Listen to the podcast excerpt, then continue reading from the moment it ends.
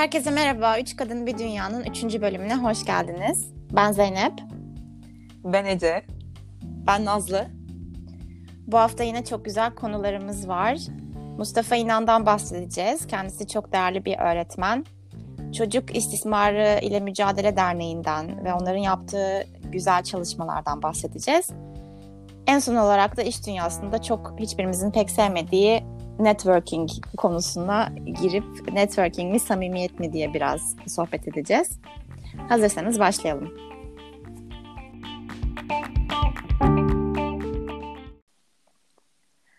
Ben biraz Mustafa İnan'dan bahsetmek istiyorum. Ee, ben kendisini daha önce hiç duymamıştım. Aslında duyabilmek için fırsatım da olmuş. Ee, daha önce İTÜ'ye gitmiştim ve İTÜ'nün koskocaman bir kütüphanesi var. Girmiştim de o kütüphaneye. O kütüphanenin ismi Mustafa İnan Kütüphanesi'ymiş ama ben hiç dikkat etmemişim. E, kendisiyle tanışmam yani bir şekilde yolumun kesişmesi e, bir arkadaşımın bana Oğuz Atay'ın kitabını önermesiyle oldu. Biraz geç tanışmış oldum ama e, Oğuz Atay'a da biraz temkinli yaklaşıyorum ben. Böyle yani insanlar genelde çok seviyorlar ama dil tabii her zaman çok kolay değil Oğuz Atay'ın. Kitabı aldım. Arkadaşımın diğer kitaplarını da önerilerini de beğendiğim için. Ama beklettim bayağı bir böyle hani yaz tatili geçti. Sonra dedim ki hadi bir şans vereyim. Ya kitap kitap edebi değeri hani bir Oğuz Atay edebiyatından beklenecek kadar çok edebi bir kitap olmayabilir. Ama Mustafa İnan mükemmel bir insanmış. Ya böyle okudukça böyle zaten sürekli altını çizdim kitabında böyle kırmızı noktalarla işte böyle kırmızı kalemle kenarlarına notlar almışım falan böyle. Hani size yazarken de böyle o notlarımı tekrar böyle taramaya çalıştım böyle hani böyle e, temel böyle kelimeler bulabilir miyim vesaire diye. Temelde şöyle bir hikayesi var Mustafa İnan'ın. Adana'da doğuyor. 1910'lu yıllarda. Ee, zaten çok çileli bir çocukluk geçiriyor. İşte çocuk işte Dünya Savaşı'nı görüyor. Damdan düşüyor. Böyle damdan düşüyor. Böyle neredeyse ölecek. O yüzden hep hayatı boyunca fiziksel olarak çok e, güç gerektiren sporlar vesaire yapamıyor. Hep böyle kolay yoruluyor vesaire. Ama hep öğrenmeye meraklı. Böyle çok okuyor. Çok her türlü şeyi öğrenmeye meraklı bu arada. Yani hayatta bence bir tane kelime varsa onu özetleyebilecek merak. O merak güdüsü oldukça da sürekli düşünüyor, insanlara soruyor, yeni yeni insanlarla tanışıyor. Bir şekilde kendini İTÜ'de buluyor. Ee, İstanbul'a geliyor. Ve hani e, çok ünlü bir mekanik profesörü oluyor. Hatta yani yazıda yazmadım ama Türkiye'nin yurt dışına giden ve doktora yapan ilk öğretim üyesi. Yani ilk kez doktora yurt dışına yapan kişi Mustafa İnanmış. Sonra da TÜBİTAK ve Erdal İnönü onun hayatının romanlaştırılmasını istiyor. Yani çünkü çok değerli bir e, kişi. Kitabını okuduğumu hatırlıyorum. Hatta bu damdan düşme hikayesini çok kısaca e, hani en yani söylediğinde sen, sen anlattığında ilk gözümün önüne gelen şey o, oldu. O oldu ama herhalde kitabı okuyalı bir 10-15 sene olmuş olabilir. Yani o, o yüzden sen Mustafa İnan deyince Allah Allah yani dedim hatırlamıyorum ama söylediğin romanı biliyorum. Onu okudum. Ama sanırım zamanla beraber hani bu daha önce de konuşmuştuk ya. Yani daha fazla kitap okumak istiyorum ama aynı hızda okuduklarımı da unutuyorum. Gerçekten çok üzücü bir olay bu.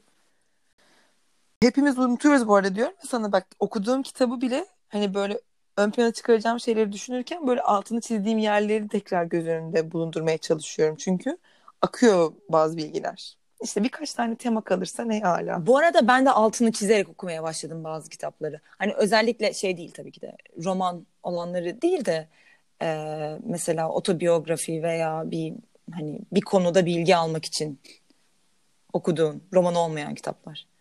Onların altını gerçekten çizerek okuyorum ve en azından geri dönüp böyle açıp da ha burada neler varmış hani bu bölümde diye baktığında en azından hani biraz hafızamı tazelememe neden oluyor.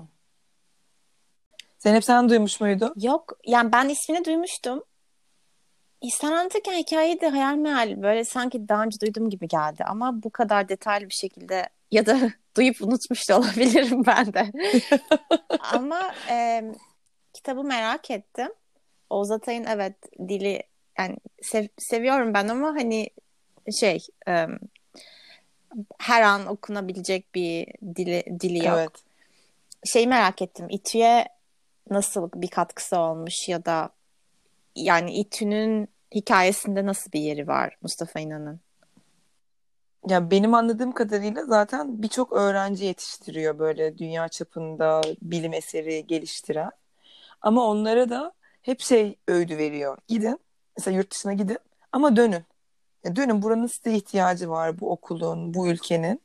Ve hani bütün öğrencilerine bunu sürekli salık veriyor. O yüzden böyle hani kendi de dönmüş. Ona mesela çok fazla yani o dönemin şartlarında baktığında e, belki de her an yani herhangi bir bilim adamının ya da bilim insanının öyle koşarak atlayacağı teklifler bulunmuş işte Zürih Üniversitesi'nden ve farklı ülkelerden. O mesela böyle kibarca reddetmiş yeter ki ülkeme döneyim diye. O yüzden bence İTÜ'nün hani tabii ben İTÜ mezun olmadığım için çok bilmiyorum İTÜ'nün e, temelinde spesifiğinde neler yaptığını ama birçok bilim insanı e, geliştirilmesine bence katkı sağlamış. Öğrencileri de çok seviyor. Hatta e, enteresan bir detay sanırım Süleyman Demirel de onun öğrencilerinden biri zamanında. Hatta sonra Süleyman Demirel politikaya girmesini de istiyor. Yani iki defa politikaya davet ediyorlar Mustafa Giriyor İnan'ı. mu? Gel politika yap. Hayır. Çünkü şimdi birazdan belki konuşacağımızla da ilişkili. E, yazıda videoyu da koydum. Oğlunun gözünden e, Mustafa İnan diye böyle bir video var. E, orada Mustafa İnan için şunu söylüyorlar. Hani onun için en önemli şey iyi insan olmaktır. Ve iyi insanın temellerinden biri de samimiyet. Politikayı samimi bulmadığı için hiçbir zaman girmeyi düşünmedi diyor. Yani aslında şey ben böyle ilk bir duyduğumda politika fikrini ah dedim keşke girseymiş yani hani neden girmedik aslında öyle insanlara ihtiyaç var. Ama Evet. kendi birey özelinde de bakıldığında samimi bulmadığın bir düzene de girmek ne kadar doğru? İşte ikilem yani bilmiyorum. Evet ama işte samimi olan insanlar girmediği için politikaya Evet. politikanın hali de iyi değil.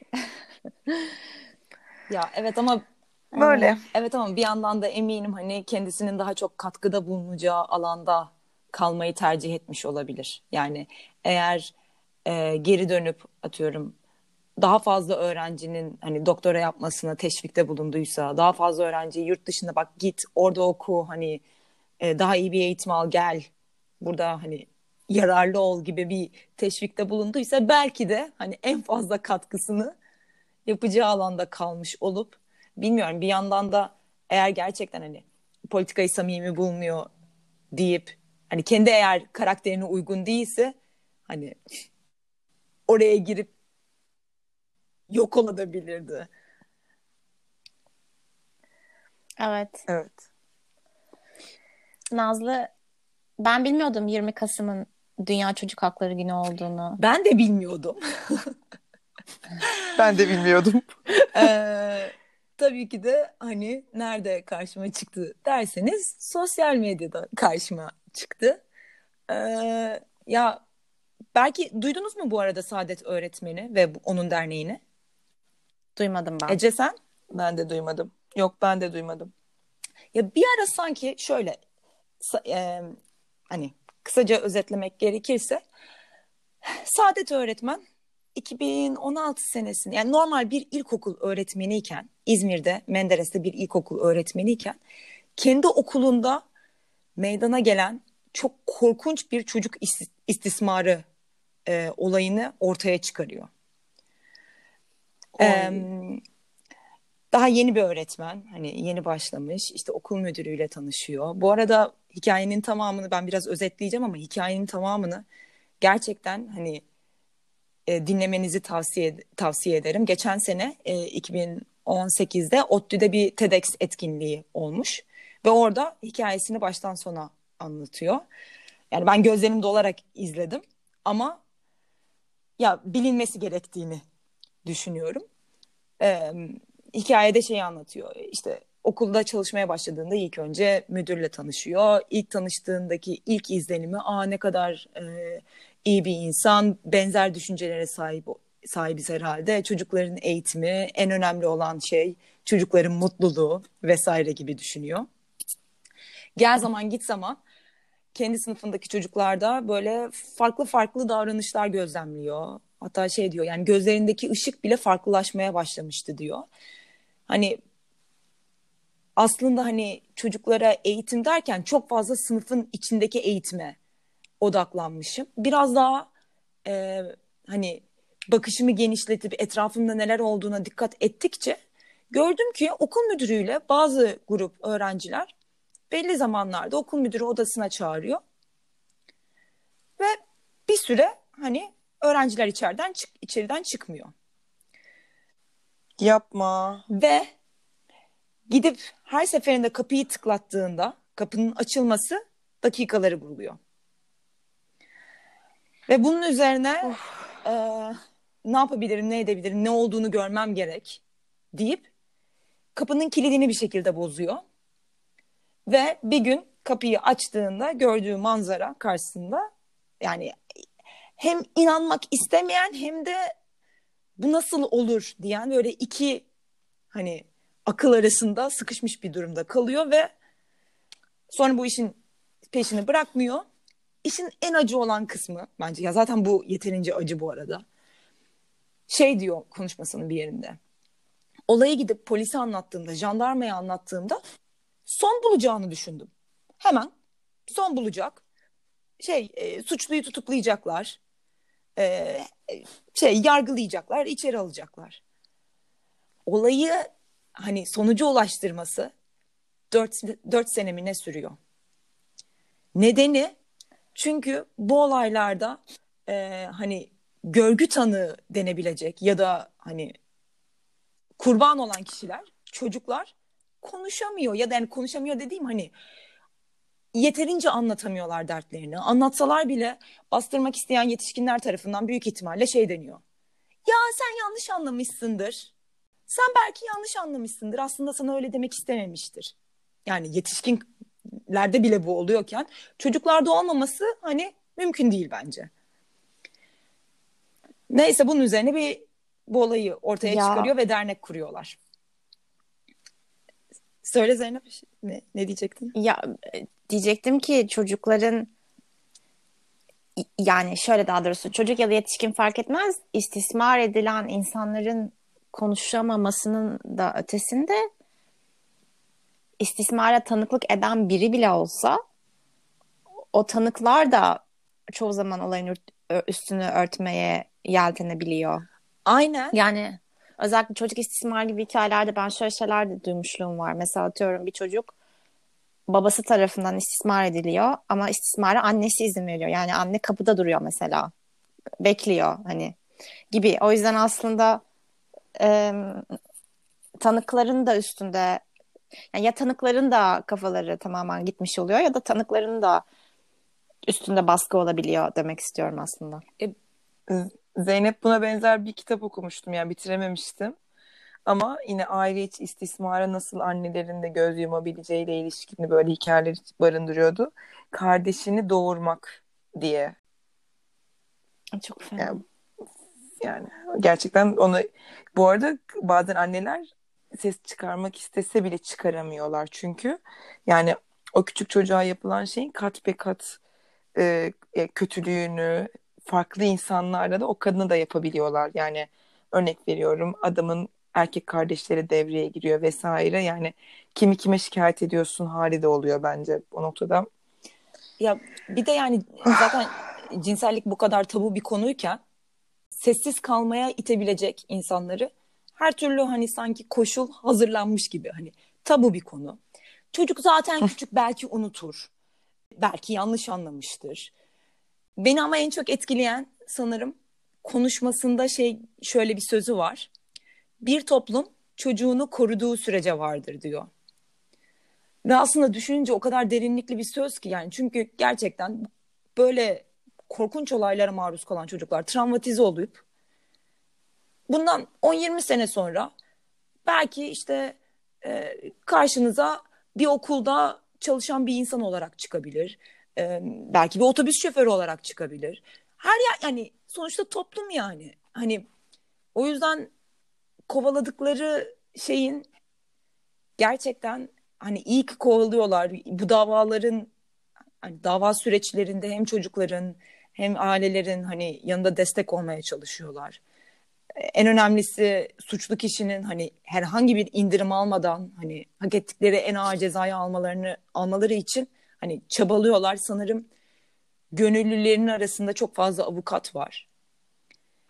Sonuç olarak e, şey e,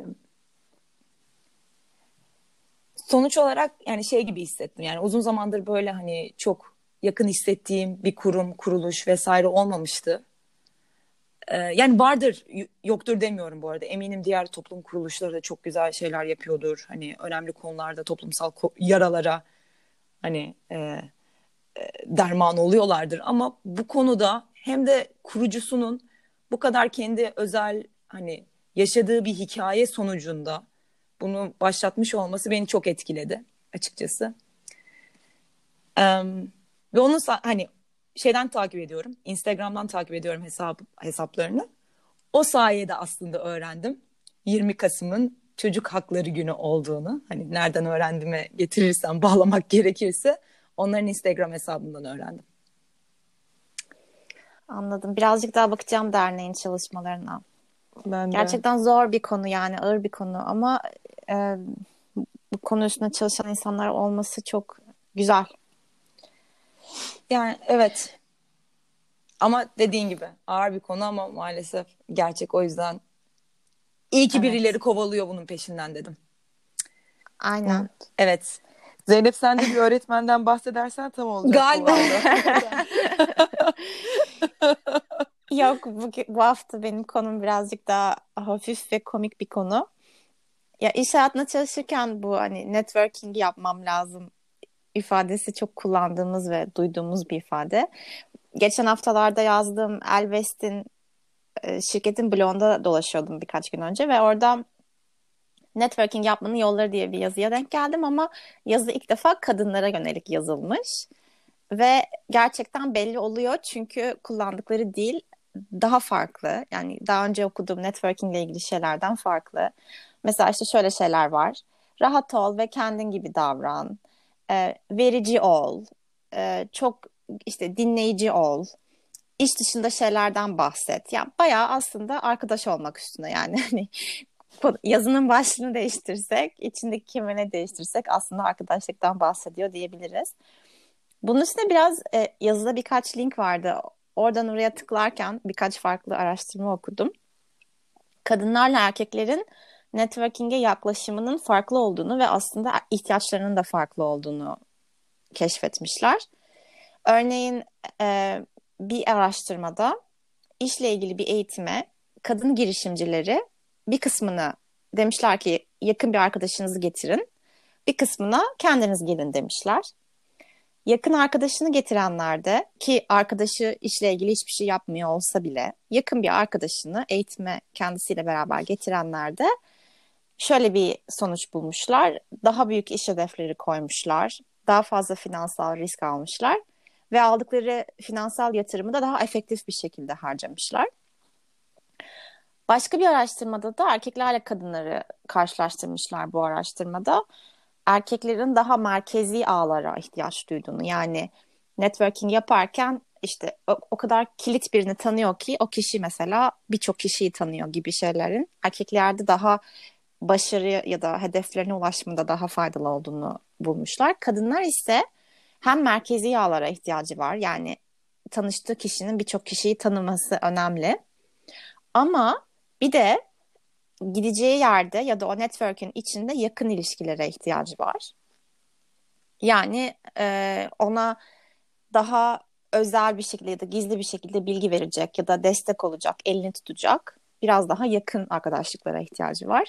Bunun sebebini bilmiyorlar.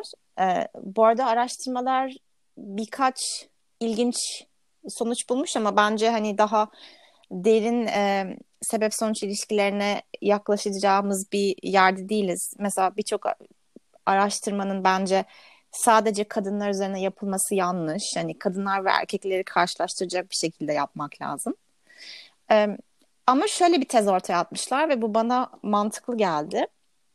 Kadınlar erkeklere kıyasla çok daha az güç ve yetki sahibi olduğu için iş dünyasında yükselmeye çalışırken birazcık daha birbirlerinin ellerini tutmaları gerekiyor gibi bir tez ortaya atmışlar.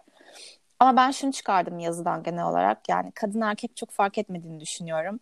İş dünyasında çok fazla rakamlara, raporlara, işte kaç kişi tanıyorsun, tanıdığın kişiler kaç kişi tanıyor, ne kadar yüksek mevkilerde falan gibi sorulara çok fazla fokus var. Bence onları biraz daha kenara koyup iş dünyasında anlamlı, keyifli, samimi ilişkiler kurmaya odaklanabiliriz diye düşünüyorum. Ya yani bu hem işimize hem kalbimize iyi gelecek diye düşünüyorum. Bilmiyorum networking konusunda sizin iki kadın olarak görüşleriniz ve deneyimleriniz neler? Ya ben ya aslında araştırmayı bulmaya çalışıyordum ama bulamadım. Şöyle bir araştırma olduğunu biliyorum. Hani kadınlar ve erkekler nasıl farklı networking yapıyorlar değil, networking yaptıklarında nasıl algılanıyorlar karşı taraftan. Ve araştırmada şöyle bir şey yapıyorlar. Çok basit bir şey. Bir hikaye yazıyor e, araştırmacı. Hikayede atıyorum Silikon Vadisi'ndeki bir girişimcinin e, networking çabaları. İşte şuraya gidiyor, burada bununla tanışıyor, burada bununla tanıştıktan sonra bunun telefon numarasını alıyor diye böyle bir hikaye. Hikayede tek değiştir bu hikayenin iki kopyası var. Tek değiştirdiği şey kişinin ismi. Birinde John olsun, birinde Jane olsun. Biri kadın, biri erkek. Sonra bu hikayeleri farklı gruplara veriyor. Hani farklı gruplara dediğim hani iki grup insana veriyor. Birisi erkek hikayeyi okuyor. Erkek girişimcinin aynı hikayesini okuyor. Okuyor. Diğeri kadın girişimcinin aynı hikayesini okuyor. Sizce bu insan nasıl bir insandır? Soru bu. Erkek de genelde böyle başarılı, işte e, e, çalışkan, kararlı vesaire gibi şeyler kullanılırken kadınlar için kullanılan kelimeler işte biraz çıkarcı, e, işte ilişkilerini biraz manipüle ediyor gibi şeyler ortaya çıkıyor. Yani bu araştırma yani ismini bulunca sonra size paylaşırım belki e, şeyde de bültende de paylaşırız. Bana hani e, çok ilginç gelmişti çünkü her şey aynı ve sadece e, insanların bakış açısı hani kişinin cinsiyetine göre değişebiliyor. E, to, eğer bakış açısı böyle değişirse de kadınlarla erkeklerin farklı stratejiler izlemesi bana garip gelmiyor. Çünkü kimse kötü görünmek istemiyor dışarıdan. Bana onu hatırlattı yani. Evet bu bahsettiğin araştırmayı okumuşluğum var benim de daha önce. Haklısın burada şey bilmiyoruz. İçten mi geliyor dıştan mı geliyor? Büyük ihtimalle ikisinin birleşimi ya da karışımı söz konusu. Evet. Çünkü benim okuduğum birkaç araştırmada şöyle cümleler vardı. E, bana çok garip geldi bu cümleler ama şöyle cümleler vardı. Kadınların duygusal desteğe daha çok ihtiyaç duyması, kadınların arkadaşlığa daha çok ihtiyaç duyması falan gibi. Yani bunun ne kadarı gerçekten içten böyle veya hani biyolojik, fizyolojik farklar benim kafamda soru işareti. Çünkü sonuçta kadınlar desteğe ve arkadaşlığa daha çok ihtiyaç duyuyorsa da bunun birçok ek dışsal sebebi olduğunu düşünüyorum. Kadınların iş dünyasında desteklenmemesi gibi. Desteklenmediğin bir yerde tabii ki daha çok desteğe ihtiyaç duyarsın yani aslında. O yüzden evet şey enteresan yani dıştan görünüşüyle içten gelen motivasyonlar. Evet yani mesela eğer bu araştırmaya göre bir kadın birisiyle sadece işte profesyonel iş e, ilişkisini sabit tutup hani bir e, hani o iliş, iş ilişkisi üzerinden bir şey atıyorum e, yapmaya çalışıyorsa belki çıkarcı olarak görülüyor. O yüzden iş ilişkisini biraz daha samimileştirmeye çalıştırıyor ki belki bunlar tabii spekülasyon biraz ama mümkün yani. Hani bu bir dış, dışsal sebep olabilir. Benim bir yorumum var. Biraz kısır döngü hissettirdi bana. Şimdi e, kadınlar samimiyet ararken çalıştığımız o ortam erkek egemen oldukça e, o erkek egemen diyaloğun içerisinde samimiyet yaratmak da ayrı bir zorluğa dönüşüyor. Çünkü o diyaloglar ve konular da yani hani benim birçok samimi erkek arkadaşım var aslında iş dünyasında. Ama konu örnek veriyorum üç erkeğin içerisinde olduğunda farklı bir boyuttayken sohbete bir kadın ya da birden fazla kadın girdiğindeki samimiyetlerin farklılaşabildiğini de gözlemliyorsun. Dolayısıyla yani hani yani hem kendi kadın yani cinsiyetini koruyarak o diyaloğu devam ettirebilmen gerekiyor. Hem işte o samimiyeti e, bir, insan olarak devam ettirmen gerekiyor. Hem de onların da hoşuna giden o sohbetleri de bir noktada devam ettirmen ve ilerletebilmen belki gerekiyor. O yüzden kolay denge değil. Bu arada bu hani daha fazla erkeğin olduğu iş ortamlarında sanırım en sevmediğim şey e, müdürlere yani ya da daha üst seviyedeki insanlara erkeklerin kendi aralarında abi demesi. Aa ben de. Of. Büyük sinirleniyorum. Abi, bro. Dinleyen arkadaşlarım şu anda bana sinirleniyor olabilirler ama, Ama bro var bir de bro. Ama çünkü yani abi kelimesini ben bunu başka birisine daha anlatmıştım. Yani başka bir eşleniği yok. Hem hiyerarşi belirtiyor. Hani böyle üstün hem de samimiyet belirtiyor. Evet. Bunu başka bir kelime yok. Ve bir kadının bir erkeğe abi dediğini kaç defa karşılaştın? Yok. Yok. Onun başka Yani Şeyler yaşa de var. var. muadili yok. Muadili yok yani. Hocam var mesela. Hacı, hocam. Ay, Bence patron, çok patron. Evet. reis.